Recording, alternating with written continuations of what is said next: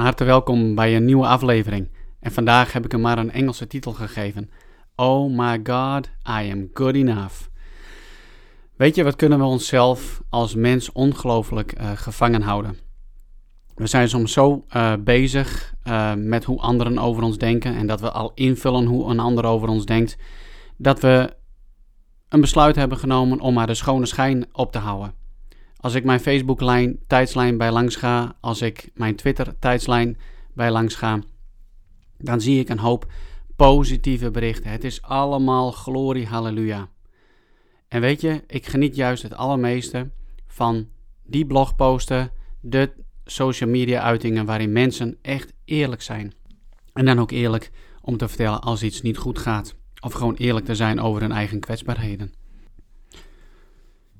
Op de een of andere manier is het er toch ingeslopen um, als het gaat over uh, succesvol zijn. Dat we toch een ander beeld laten zien naar de ander dan hoe we werkelijk zelf zijn. En dat is eigenlijk best wel gek, want uh, voor mij betekent succesvol zijn dat je juist ook jezelf accepteert zoals je bent.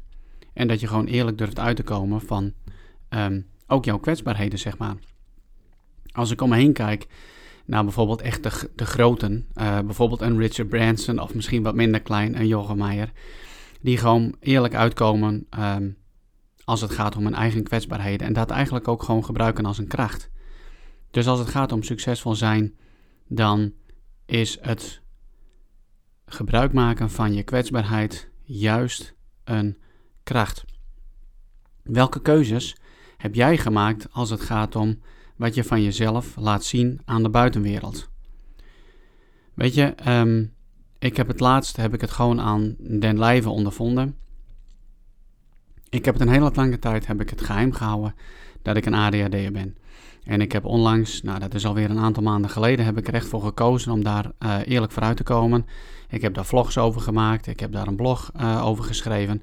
En uiteindelijk is die blog opgepikt door uh, nu.nl en dan de afdeling Nu Zakelijk. We hebben een, een interview gehouden, of ze hebben mij geïnterviewd en daar is een heel leuk stukje uitgekomen. Dat kun je teruglezen op nuzakelijk.nl. En het gaat over het ondernemerschap en het gaat over ADHD. En uh, ik vond het best wel heel lastig om zeg maar daar eerlijk vooruit te komen. Want ik had zelf het beeld in mijn hoofd en de overtuiging. Ja, wat zullen anderen wel niet denken? Hé hey Willem, jij bent een coach, je bent een, een, een trainer, een mentor voor, voor anderen. En dan ga je zelf praten over je eigen uh, zwakheden, je eigen kwetsbaarheden en noem het maar op. Dus ik had mezelf iets ingeprent wat achteraf helemaal niet waar bleek te zijn. Dus mijn mening was, mijn overtuiging, ja, als anderen dit horen, dan, um, ja, dan zal ik uh, minder waardevol zijn voor een, uh, een ander. En wat bleek, nadat uh, het artikel was uitgekomen, heb ik ontzettend veel leuke reacties gekregen. Ik kreeg mails um, waarin mensen mij bedankten voor mijn openheid, voor mijn kwetsbaarheid, waarin mensen mij bedankten omdat er gewoon hoop was voor hun kind met ADHD, omdat het mij ook gewoon gelukt was om een succesvol bedrijf op te bouwen en ook meerdere succesvolle carrières uh, te hebben gehad. Dat is dan wel weer een voordeel van het ADHD gebeuren, zeg maar. Weet je, het zit diep in ons uh, verankerd dat we het gewoon heel erg belangrijk vinden wat een ander van ons denkt. Dat stamt nog uit, uh, ja, noem het maar de oertijd, waarin we nog in uh, stammen leefden met elkaar. We moesten wel gewoon conform de regels, de normen en waarden van een stam leven. En zwakheid was in die tijd nou niet echt, zeg maar, een kracht. Want ja, alleen de sterken en de sterksten met elkaar, die overleefden. Maar op een of andere manier zit dat nog steeds in ons systeem. En denken we dat we ja, onszelf niet kwetsbaar kunnen opstellen, omdat we dan ergens niet meer bij horen. Maar hoe gaaf is het als je juist leest van iemand andermans kwetsbaarheid en dat jij daar um, ja, ook weer kracht en inspiratie uit uh, kan putten. We leven niet meer in stammen. Maar we hebben nog wel hele sterke subculturen. En om ergens bij te horen willen we een bepaald plaatje laten zien. Nou, hoe gaaf zou het zijn als we zouden kiezen voor juist het uh, andere. En dat we uh, durven te kiezen voor onze kwetsbaarheid. Zoals ik het wel vaker over het volgende onderwerp heb gehad. Um, heeft natuurlijk allemaal met elkaar te maken. Het jezelf accepteren en van jezelf houden is echt waar de grootste stap richting succes en geluk wat jij kunt doen.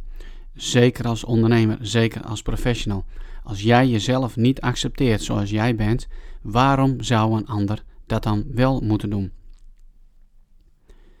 Ik heb ervoor gekozen om mezelf te accepteren zoals ik ben. Om me niet blind te staren op mijn tekortkomingen, maar om mezelf te focussen op datgene wat ik goed kan. En mijn kwetsbaarheden juist te gaan gebruiken als kracht. Kijk eens naar Jochem Meijer. Ik weet niet of je de show kent, ADHD van Jochem Meijer. Maar daarin heeft hij het uh, ook over zijn eigen ADHD en hoe dat zijn leven uh, en dat leven van zijn familie heeft beïnvloed. Hoe dit het nu juist als een enorme kracht kan gebruiken, zeg maar, uh, in het theater als, um, nou ja, om ons aan het lachen te krijgen, maar ook nu als, als boekenschrijver. Dus die zelfacceptatie die is gewoon hartstikke belangrijk. En um, laat het gewoon niet zo ver komen dat jij je leven laat bepalen over hoe andere mensen over jou denken.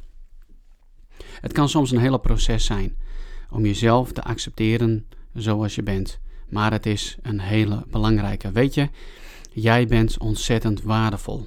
Gewoon zoals jij bent. En de wereld zit echt op, gewoon op jou te wachten. Uh, op de waarde die jij kan toevoegen. Dus hoe meer jij jezelf bent, hoe meer jij jezelf accepteert, hoe mooier het gaat worden, ook voor een ander.